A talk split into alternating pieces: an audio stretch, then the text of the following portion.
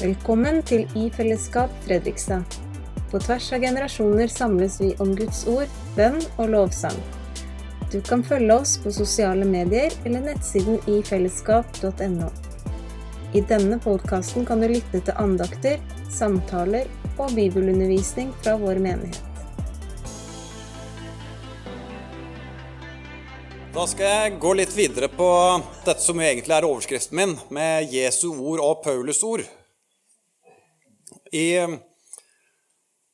i, i hvor stor grad eh, samstemmer det de to sier? Jeg sa at det var viktig for Paulus å knytte virksomheten sin eh, og forkynnelsen sin eh, til de gamle skriftene, det som vi i dag kjenner som Det gamle testamentet. Og vise at, at Jesus er tydelig til stede i Det gamle testamentet, og det er han som er de gamle skriftene sentrum. Når Paulus sier det, er han ikke original. Det er i hvert fall én som har sagt noe lignende før ham. Og det er Jesus selv. I Johannesevangeliet sier han til jødene i kapittel 5 at dere gransker Skriftene, for dere mener at dere har evig liv i dem, men det er de som vitner om meg. Og videre hadde dere trodd Moses, hadde dere også trodd meg, for det er meg han har skrevet om.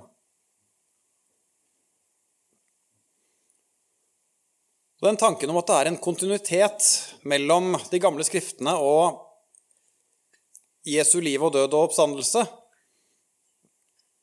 den er, den er Jesus og Paulus helt samstemt om.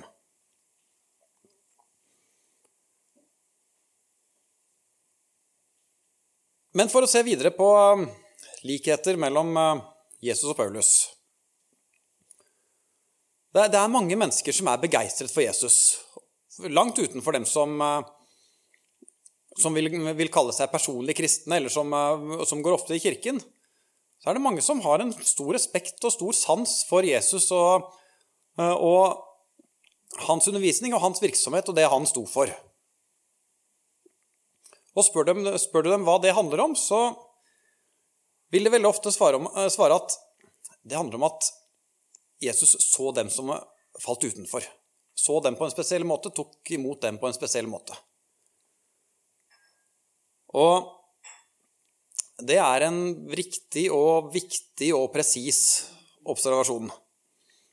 Evangeliene er fulle av fortellinger om at Jesus møter de gruppene som var i randsonen av samfunnet, på en helt ny måte. Og Jeg skal ikke gjenta så mange fortellinger om det, men jeg skal kort nevne noen.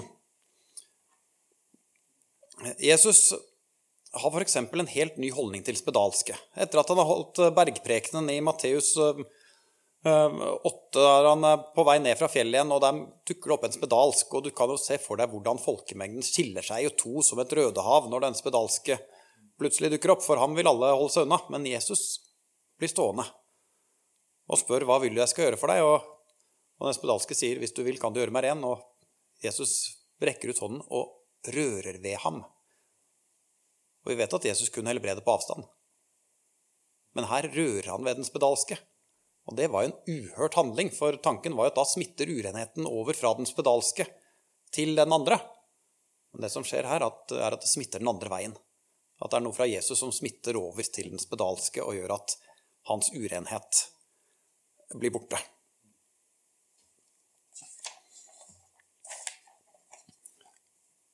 Og like etter møtet med den spedalske så dukker det opp en romersk offiser som har en sønn som er syk, og ber om hjelp. Og Jesus sier, 'Hvor bor du?' Og offiseren svarer, 'Jeg er ikke verdig at du kommer inn i mitt hus.' Og Det sier han fordi det var også en grense for jøder, at de skulle ikke gå inn i huset til ikke-jøder, for da kunne de også bli urene. Og Det vet denne romerske offiseren, så derfor sier han du trenger ikke det. Det går bra. Dette kan du gjøre uten å, uten å gå, komme inn til meg. Men vi ser likevel at Jesus var beredt til å bli med den romerske offiseren hjem. Det var også en grensesprengende holdning. Og så har vi Jesus og samaritanene, vi har møte med den samaritanske kvinnen ved brønnen. Så bare det at han ber om å få drikke av noe som en samaritan har drukket av eh, det, det, det ville få en eh, reaksjon langt verre enn å, eh, enn å, å si nei takk til vaksine i dag. For det, det handlet om smitte på en,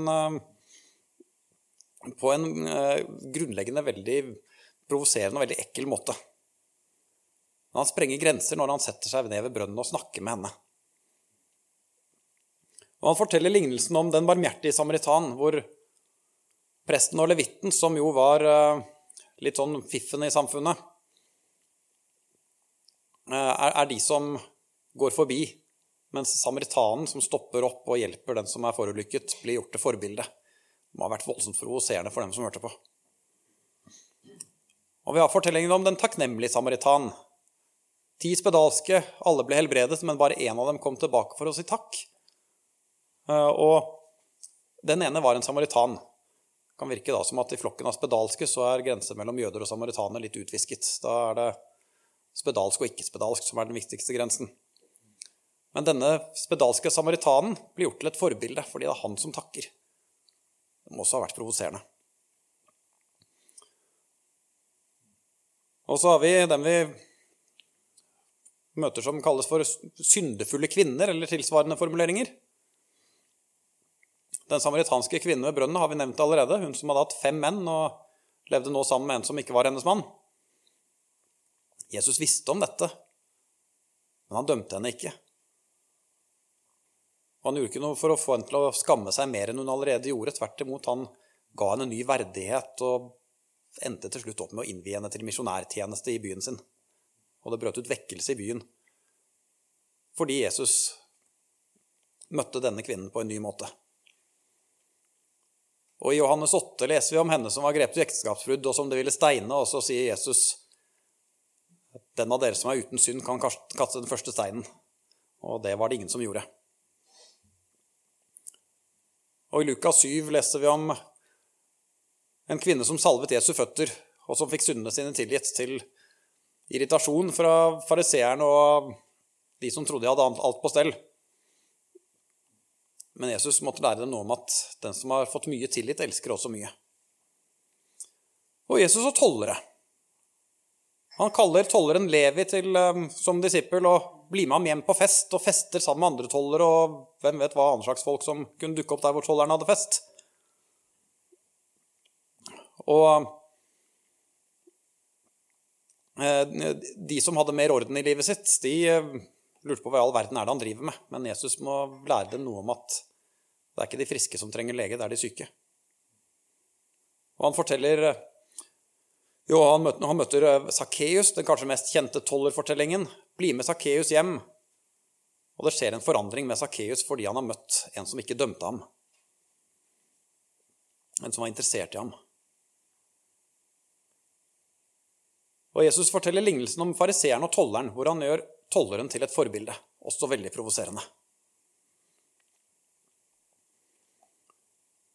Og Jesus sa da i forbindelse med besøket hos Sakkeus at menneskesønnen er kommet for å lete etter de bortkomne og berge dem.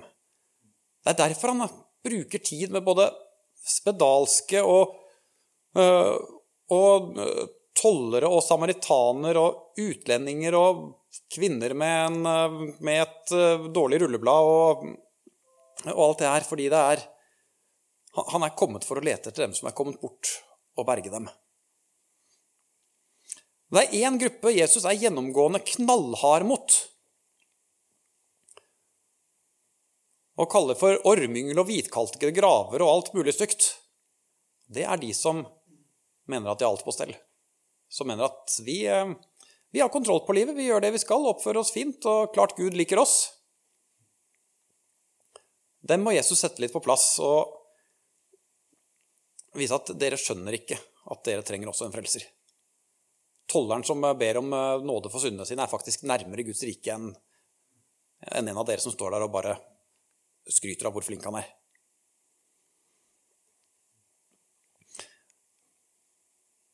Når jeg sammenfatter de fortellingene her litt, sier noe om hvem Jesus tok imot, og hvem han var kritisk mot. Jeg syns faktisk det ligner litt på fortellingen om Paulus. som startet ut som en av dem som mente han hadde alt på stell, brennende i sin iver etter loven. Men som plutselig skjønner at nei, han er jo en av de bortkomne som trenger at en berger ham. Han skriver om dette flere steder, bl.a. i Filipperbrevet 3, hvor han skriver om at han er omskåret på den åttende dagen av Israels folk og Benjamins stamme, hebreer av hebreere, lovlydig fariseer, en brennende og ivrig forfølger av kirken, uklanderlig i min rettferdighet etter loven. Men det som før var en vinning for meg, det regner jeg nå som for Kristi skyld som tap. Ja, jeg regner alt som tap, fordi det å kjenne Kristus Jesus, min Herre, er så mye mer verdt. For hans skyld har jeg tapt alt, og alt jeg har tapt, regner jeg som verdiløst skrap bare jeg kan vinne Kristus og bli funnet i ham. Ikke med min egen rettferdighet, den som loven gir, men med den rettferdigheten jeg får ved troen på Kristus. Det er rettferdigheten fra Gud, bygd på tro. Og det, det, ordet som her oversettes til verdiløst skrap, det betyr ikke verdi, verdiløst skrap på gresk. Det betyr bæsj. Altså, det, det jeg hadde før, det er bare noe dritt sammenlignet med det jeg har fått nå. Så Paulus-fortellingen er også en fortelling om en som var bortkommen, men han visste det ikke. Men han ble funnet. Vi kjenner igjen dette litt i Galaterbrevet også, i diskusjonen mellom dem som er opptatt av at alle må følge loven og bli omskåret, og han som sier at dette handler om nåde og ikke gjerninger. Det som, før, det som han før mente var bra, det regner han nå som ingenting, for det, det kan ikke hjelpe ham. Det er ikke den måten han får en frelsende rettferdighet på. Den får han ved troen på Kristus.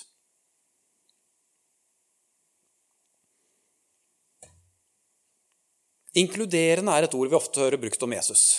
Og det er et godt og riktig ord å bruke om Jesus, for han var veldig inkluderende. De som kom og var interessert i ham, ble tatt imot, samme om de var tollere eller prostituerte eller spedalske eller samaritanere eller hva de nå var. Paulus var også veldig inkluderende. Paulus gikk også over grenser. Sprengte samtidens grenser eh, i, i sin virksomhet. Ikke minst i dette som handlet om forholdet mellom jøder og hedninger og omskåret og uomskåret å gjøre. I Efeserbrevet kapittel 2 skriver han eh, flott om det her.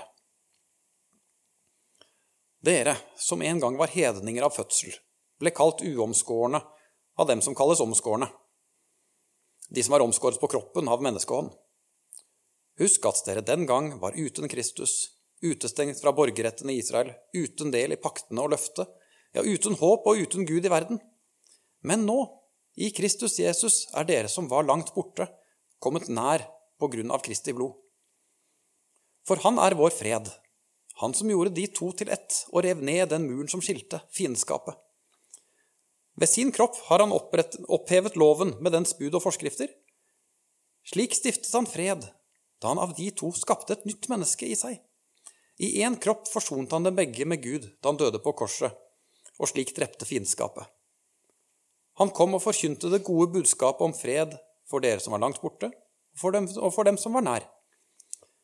Gjennom ham har både vi og dere adgang til Far i én ånd.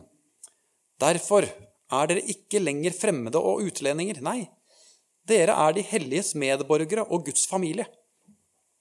Dere er bygd opp på apostlenes og profetenes grunnvoll med Kristus Jesus selv som hjørnestein. Han holder hele bygningen sammen så den vokser til et hellig tempel i Herren, og i ham blir også dere bygd opp til en, bolig for Gud i ånden. Altså Der det før var to folk, det var jøder og det var hedninger, der er det sånn at alle som tror, blir det samme folket. De blir Guds familie, alle sammen. Dette, dette var kjemperadikalt og voldsomt provoserende.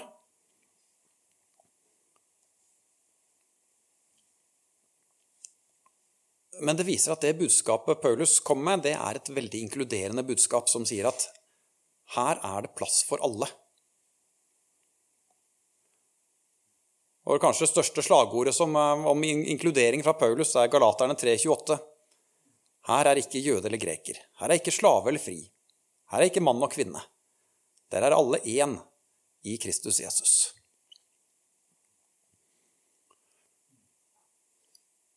Men hvordan er det med Paulus og dem som faller utenfor? Vi har vel ikke noen fortellinger om Paulus og samaritaner, eller Paulus og syndefulle kvinner, eller Paulus og tollere. Tollere var vel sikkert ikke et problem der han reiste, for uh, utenom uh, jødenes land så var toller sikkert et litt mer respektabelt yrke. Det var, uh, det var ikke den samme tanken om urenhet der. Men vi har ikke noen fortellinger som ligner på Jesu møter med disse gruppene. Men Paulus kommer inn på noe av det her. F.eks. i Efeserbrevet, i formaningskapitlet. Der sier han at hor, all slags urenhet og grådighet Hor, urenhet, grådighet. Da er vi på i hvert fall de prostituerte og andre seksuelle synder, og, og vi er på tollere som eh, misbrukte stillingen sin.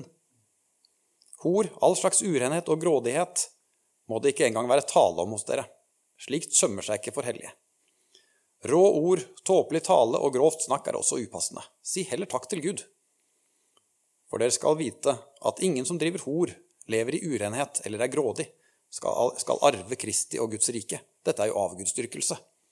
Ja, her da, her fant vi endelig den, den slemme Paulus, han som holder folk utenfor. Han som står for noe helt annet enn Jesus, som tok imot alle. Nei, vi gjør jo ikke det. For dette er jo helt på linje med det Jesus sier. Etter møtet med henne som var grepet i ekteskapsbrudd. Hvor han fikk folkene til å slippe steinene sine og gå av gårde, for det var ingen av dem som var uten synd og kunne kaste den første teinen. Han sa til kvinnen, 'Heller ikke jeg fordømmer deg. Gå bort og synd ikke mer.' Hun fikk også et oppdrag til et Hun ble sendt ut til et nytt liv. Og tolleren Sakkeus, som hadde hatt grådighet som, eh, som, sin eh, ledestjerne gjennom hele karrieren, ble også omvendt fra grådigheten og bestemte seg for at heretter skal jeg begynne å dele ut. Det er ikke sånn at Jesus sier at alt er greit. Han finner de bortkomne, frelser dem, viser dem veien til et nytt liv. Og det er det samme Paulus skriver om her. Dette er veiledning til det nye livet.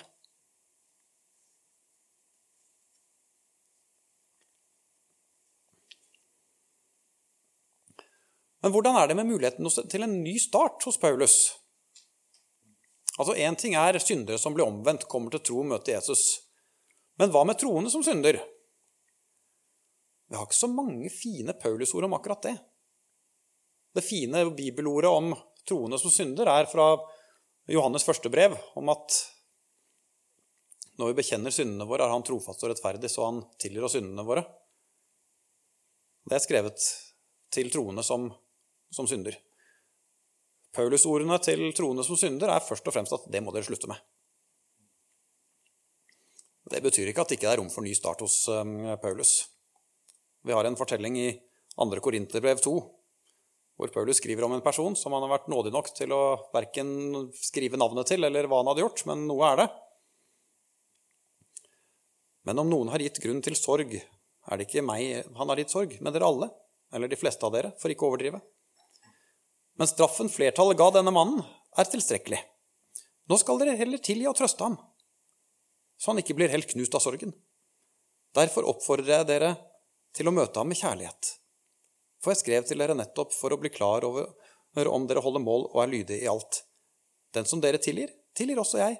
Ja, hvis, tatt, ja, hvis jeg i det hele tatt har noe å tilgi, har jeg for Kristi ansikt tilgitt det for deres skyld, så ikke Satan skal få bedra oss. For vi vet hva han har i sinne. Her er det sjelesørgende Paulus som har måttet håndtere en sak hvor det er en som har forbrutt seg på en eller annen måte. Men så Paulus nå også er med på å reise opp og si at nå han har fått sin straff, nå er tiden for å tilgi. Og ta ham inn i fellesskapet igjen og starte på nytt.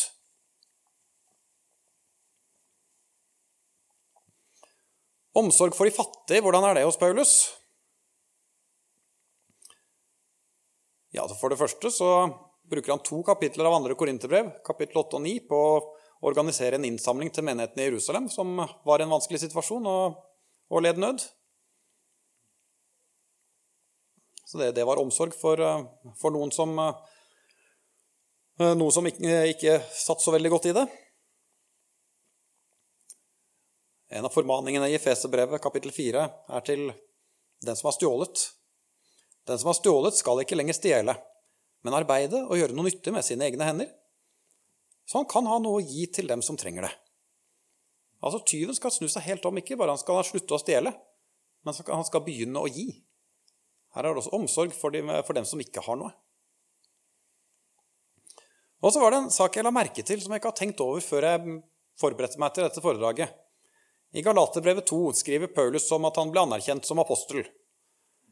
Og da skriver han Og da Jakob, Kefas og Johannes, de som ble regnet for å være selve søylene, forsto hvilken nåde jeg hadde fått, ga de meg og Barnabas hånden som tegn på fellesskap. Vi skulle gå til hedningfolkene, de skulle gå til de omskårne. Og så Vi måtte bare huske på de fattige. Og nettopp det har jeg lagt vind på å gjøre. I et eh, avsnitt som handler om Paulus' autoritet som apostel, og at han ble godkjent av de andre, så skyter han inn at Men de sa det, at vi må huske på de fattige. Og det har jeg også prøvd å gjøre. Det kan virke som om det var ja, nesten et kriterium for å bli tatt inn i apostelflokken, at vi er en sånn gjeng som bryr seg om de fattige. Og Paulus protesterer ikke på det. Vi får inntrykk av at Heller sier han at Og det gjør han med dem med største selvfølge. Og så skriver Paulus om nattværfeiringen i Korint, som har gått litt eh, av skaftet. Som har utartet til en type fråtsemåltider for de rike, og de fattige blir satt på kjøkkenet eller et eller annet sted og får uh, noe smuler. Han sier at sånn skal det ikke være. Dette er ikke et etegilde hvor dere skal stappe dere fulle av mat. Og så begynner han å undervise om nattverden. Jeg skal ikke lese hele det her, men jeg leser det siste som står her. Avslutningen på det avsnittet. Derfor, mine søsken, når dere kommer sammen for å holde måltid, så vent på hverandre. Hvis noen er sulten, får han spise hjemme, så ikke sammenkomstene deres skal føre dom over dere. Om de andre tingene skal jeg gi retningslinjer når jeg kommer. Jeg ble oppmerksom på en litt artig sak her. For det, Her er det en mulig annen oversettelse. For det står at hvis noen er sulten, får han spise hjemme. Så ikke sammenkomsten deres skal føre dom over dere. På gresk står det der at han får spise en oiko. Oikos betyr hus, og en oiko betyr da i, i huset. Og det, det brukes som, om hjemme. Hjemme det er en oiko i huset ditt. Men det er også mulig å oversette det verset som at han skal spise i huset, altså underforstått det huset han kommer til. Hvis noen er sulten, skal dere sørge for at han får mat når, dere, når han kommer til dere. De bibeloversettelsene jeg har sjekket med, har en oversettelse som ligner på det som står på skjermen her. Så dette, ikke, denne, dette alternativet er ikke en oversettelse som har fått gjennomslag. Men det er en mulig oversettelse. Ja, og han skal få det der han kommer. Det er ikke sånn du skal spise hjemme. Men den som er sulten og kommer til der hvor menigheten samles, skal få det han trenger der. Vi vet at uh, hos, um, I en del romerske byer så var det en type foreninger som ble kalt for kollegier. Og det var ja, litt sånn frivillige sammenslutninger som kunne handle om mye. Det kunne være en type forsikringsselskap, uh, det kunne være bare en sammenkomst for å dyrke noen guder, eller uh, De hadde det til felles at det var mennesker som kom sammen og hadde en type fellesskap rundt et eller annet. Og i kollegiene kunne det være folk av uh, alle slags rang og stand i samfunnet som, eh, som, var med i kollegiet. Det kunne være fra fiffen og til, eh, til slaver. Men eh, når det var mat i kollegiene, da var det som regel da, da var det laginndeling. Da var det, slavene satt der og spiste, og fiffen satt der og spiste. Så det kan hende at, at, det er en teori blant historikere at de første menighetene de ble dannet litt sånn etter modell av kollegiene og hadde noe fellestrekk med dem. Kanskje var det derfor det skar litt ut i Korint, for de tenkte at det er jo sånn, det er sånn de gjør det i de andre kollegiene. Da får vi gjøre det hos oss også. Så må Paulus si at nei, hos oss skal dette være helt annerledes. Her stiller vi alle på like fot.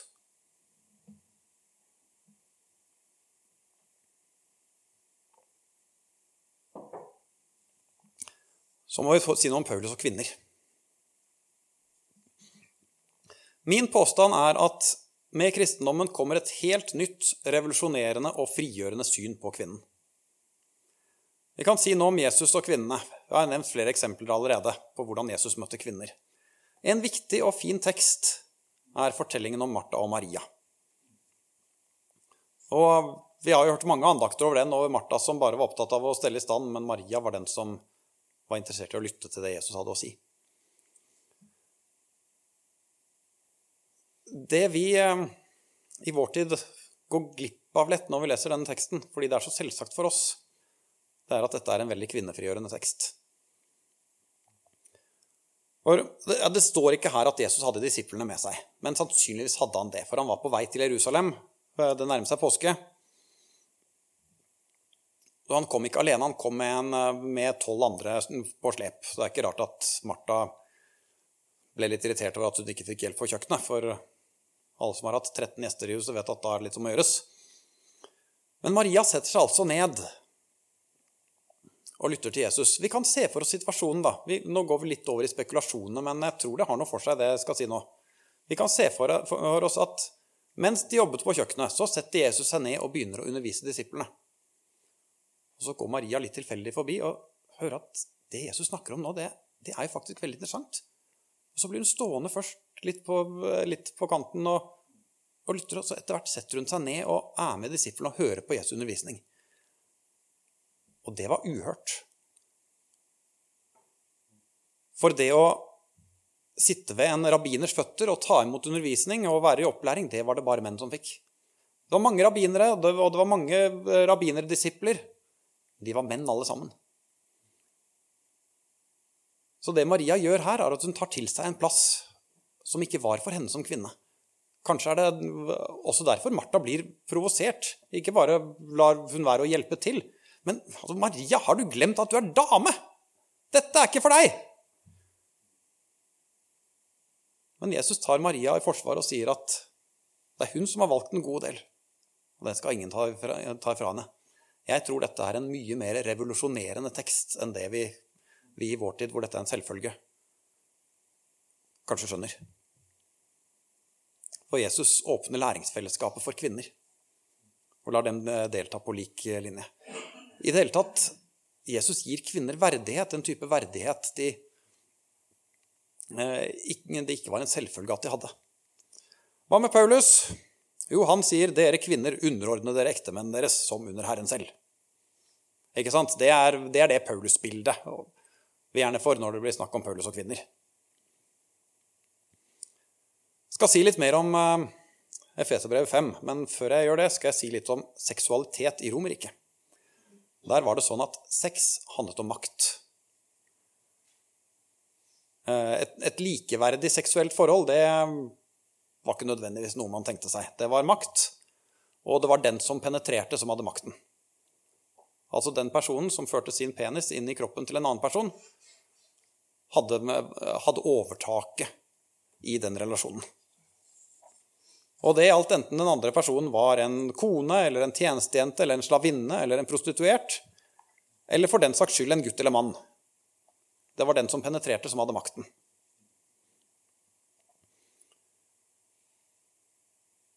Altså det, det fantes romantisk kjærlighet i, i Romerriket også.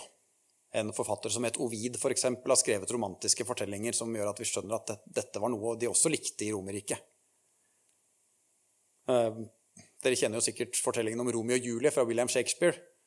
Den er skrevet etter forbilde fra en fortelling fra Ovid om det ulykkelige paret som eh, har foreldre som er i strid med hverandre, og som ender med at eh, begge to dør. Hvis disse to i, ja, disse to i Ovids fortelling de elsket hverandre veldig sterkt. Det, det, skjønner vi. Men la oss tenke oss at de ikke hadde mistet livet i slutten av fortellingen, men i stedet giftet seg. Da hadde de gått inn i et mønster hvor det var mannen som var sjefen, og det var han som hadde makten. Og kvinnen var til for henne. Ja da, det kunne være gode mot hverandre og glade i hverandre, og sånt, men systemet var at sex var makt. Det var faktisk til og med sånn at en husfar ikke bare hadde han rett til å få seg sex der han hadde lyst, men også hadde han makt til å gi familiemedlemmer dødsstraff, hvis han mente at det var på sin plass. Det er vel å merke ikke dokumentert, ifølge en av mine historielærere, at den retten ble brukt. Vi har ikke noen fortellinger som sier det, men den fantes. Når vi vet dette, så skjønner vi at Paulus er radikal. når han sier, 'Dere menn, elsk konene deres', slik Kristus elsket kirken og ga seg selv for den.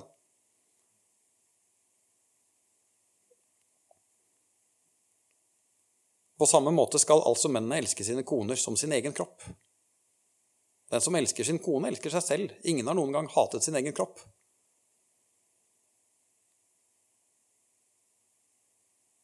Det er et helt nytt syn på ekteskapet. Det er egentlig her det moderne ekteskapet starter. Ja da, det står om underordning også, at kvinnen skal underordne seg mannen, men mannen skal elske sin kone. Slik som Kristus elsket kirken. Og Da er det bare en ting å si at alle vi, vi, menn her som er gift, vi kommer til kort der. For det er ingen som, av oss som makter, samme hvor glad vi er i kona, å elske helt på det nivået som Kristus elsker kirken. Men det er et ideal som Paulus løfter fram. Et helt annet ideal enn det som gjaldt i det romerske riket.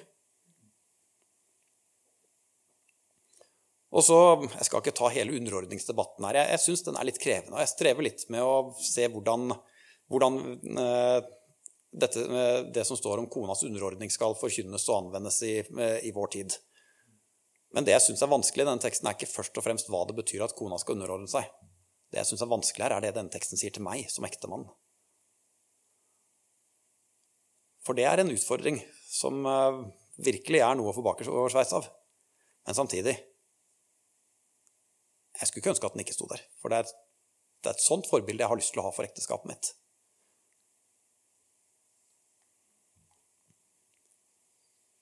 Og hvis alle menn var på denne måten, så hadde det kanskje ikke vært så farlig heller for koner å underordne seg dem, for da hadde ikke det, hadde ikke det vært noe skummelt.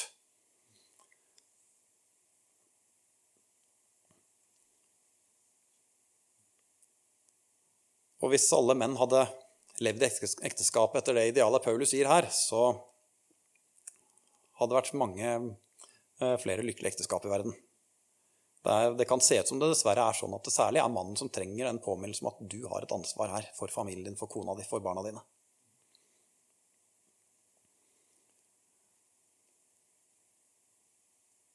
Hva med kvinnen i menighetsfellesskapet?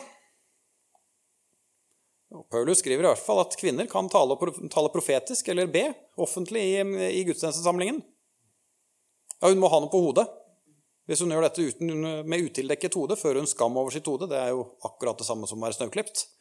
Ja, det, vi får skrive det på den listen over bibelord vi ikke helt skjønner. For at det å ikke ha noe på hodet skal være det samme som å være snauklipt. Ja, vi, vi skjønner at det handler jo først og fremst om Paulus sin kultur. Og det handler om hva som ble regnet som anstendig. Men vi skjønner også at dette betyr at kvinner kunne be offentlig i gudstjenesten, og de kunne tale profetisk i offentligheten i en offentlig, eh, offentlig gudstjeneste. For hadde de ikke kunnet det, så hadde det ikke vært noe poeng å, å, eh, si det Paulus gjør her. Men hva med at de skal tie i forsamlingen? Tie når menigheten samles? Det er ikke tillatt for dem å tale, de skal underordne seg, slik også loven sier. Hvis det er noe de vil lære, så la dem spørre sine menn hjemme, for det er en skam for en kvinne å tale i menigheten. Ja, Vi skjønner jo at det betyr i hvert fall ikke et generelt taleforbud. For det passer ikke med det Paulus skriver i 1. Korinterbrev tre kapitler tidligere, som jeg nettopp uh, siterte. Det kan bety at kvinnene ikke skulle delta i læresamtaler. At uh, akkurat det var mennenes uh, område. Det kan også bety at kvinnene skravlet litt for mye under gudstjenesten. Så de forstyrret. Og det, ja, det, nei, det blir feil å si at kvinner har en særlig tendens til det, for menn kan også skravle. Men det, det er litt en stereotypi at de, de, de, de skravlete kvinnfolkene Nei, det er fryktelig urettferdig. Eh, ikke, ikke fest dere ved det jeg sa nå. Men, men altså det, det, Dette er også en måte å lese den fortellingen på. At de skal tie når menigheten samles. altså de, de skal ikke snakke. Med, og, og, hvis de lurer på noe, og det kan hende de gjorde for det Kanskje var det nytt for dem å være på gudstjeneste i det hele tatt. Hva, hva, betyr det? Hvorfor gjør han sånn? Hva betyr det han sa nå? Da skal de spørre mannen sin hjemme når de kommer hjem. Ikke forstyrre gudstjenesten med sånne ting. Det er mye å si om den teksten her. Jeg, hva som er den riktige tolkningen, eh, skal jeg ikke ha noe sterk mening om nå, men det er flere måter å forstå den på. Jeg syns i hvert fall at Paulus fortjener et uh, Han fortjener ikke det ryktet han har fått når det gjelder uh, synet på kvinner. Paulus forkynner et syn på kvinner, syn på ekteskap, syn på menighet som er radikalt og revolusjonerende og noe helt nytt i Romerike. Ja, tiden min begynner å renne ut. Lurer på om jeg skal kjappe meg og si litt om eh, samliv og ekteskap også. Jesus sier noe i Matteus 19 om ekteskap og skilsmisse. Fariseerne spør om eh, en mann kan skille seg fra sin kone av hvilken som helst grunn. Jesus svarer at det er ikke meningen at de skal skille seg i det hele tatt. Ja, hvorfor har Moses gitt lov til det? Fordi dere har så harde hjerter. Altså skilsmisse er en nødløsning. Og denne ordningen med skilsmissebrev som Moses skriver om, det var en ordning for å beskytte kvinnen, som en nærmest kvittering på at hun var ikke gift lenger. Hun har ikke stukket av. Hun, hun er fri, hun kan gifte seg på nytt. Men leser du den bestemmelsen i 5. Mosebok 24, så ser du at den ordningen er ikke noe Gud innfører. Det står ikke at hvis en mann vil skille seg fra sin kone, så skal han gjøre sånn. Er sånn den er formulert sånn at vi skjønner at det er noe som tas til etterretning. Det skjer. Og når det skjer, da skal det håndteres slik. Ser ut som, Paulus, nei, ser ut som Jesus godtar skilsmisse ved hor, altså ved, ved ekteskapsbrudd. Paulus sier også nei til skilsmisse, selv om han også innser at det skjer.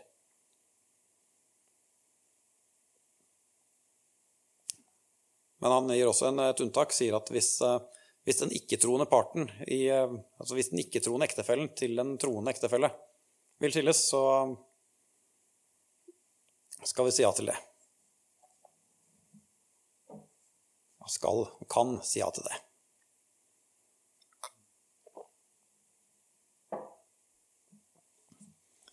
Og så har vi dette veldig kontroversielle feltet som handler om homofilt samliv. Og når vi snakker om Jesu ord og Paulus ord, så er det gjerne der det særlig krasjer. Paulus skriver om dette tre steder. Tar det litt kjapt nå, så jeg skal ikke lese alt, men han skriver om det i Rombrevet og i første Korinterbrev og i første Timotiusbrev. Skriver han om menn som ligger med menn, og i Rombrevet skriver han også om kvinner som, som er med kvinner. Noen har sagt at uh, dette handler om det som ble kalt for pederasti. Om voksne menn som uh, tok for seg av yngre gutter i en type misbruks- usymmetrisk relasjon. Men det hadde altså et eget ord på gresk som het pedrasti. Det ordet fins ikke i Bibelen. Paulus skriver ikke om at han taler imot pedrasti. Men han skriver om noe som kalles for arsenokoitus. Og det betyr menn som ligger med menn, altså homoseksualitet mer generelt.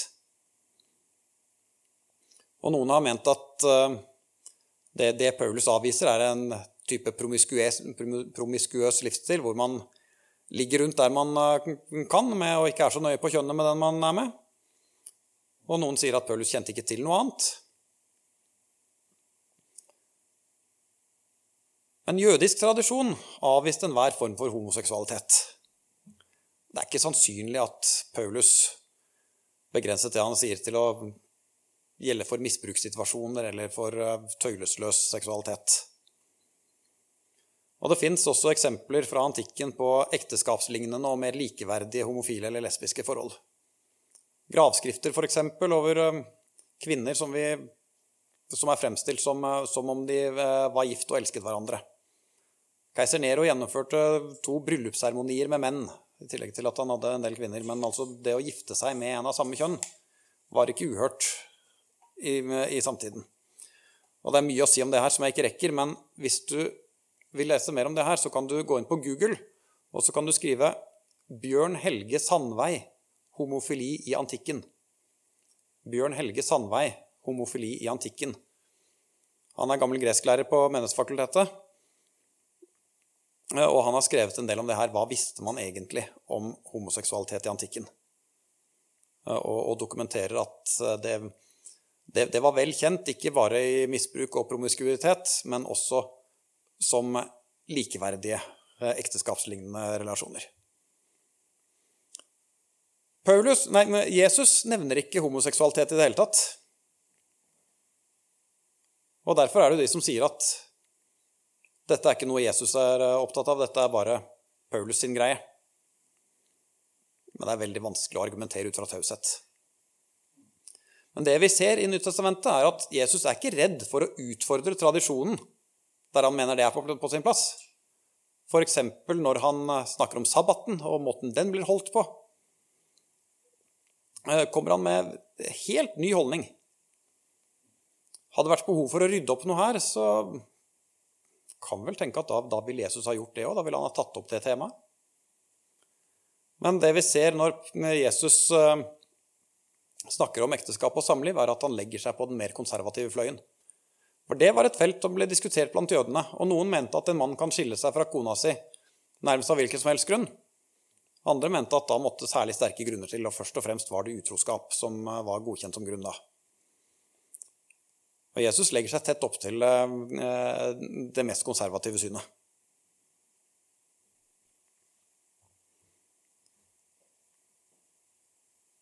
Jesus var raus, og han var inkluderende. Det var Paulus også, det har jeg vist dere nå. Men det er vanskelig å ta noen av dem til inntekt for et ja til homofilt samliv. Og da er det mye mer å si om det. Det er alltid mye vi skal komme inn på.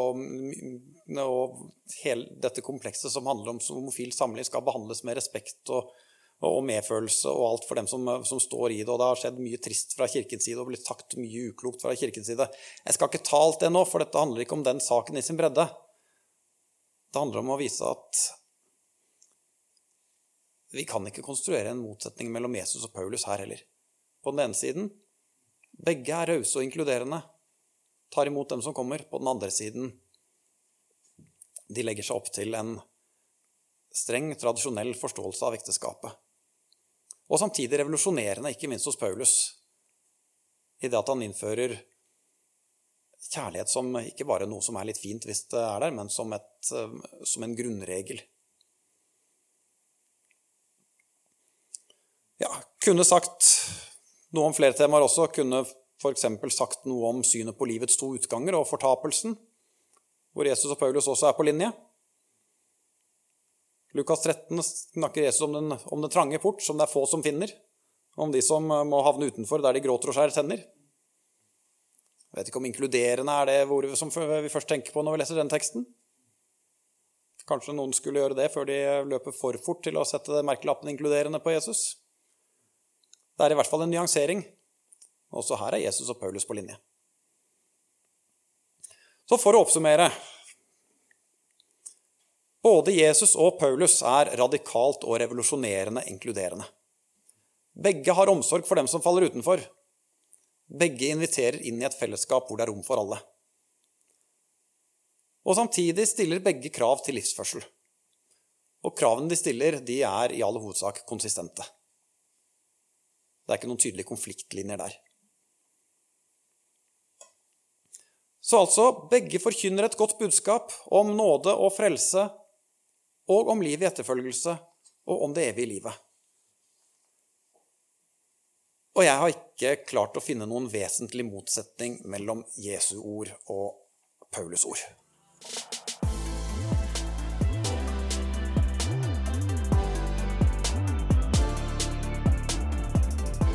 Takk for at du har hørt på podkast fra I Fellesskap Fredrikstad.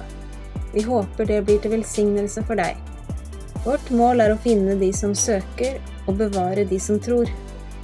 Sammen vil vi dele livet, tjene hverandre og vokse som Jesu etterfølgere, medvandrere og fellesskap. Velkommen tilbake.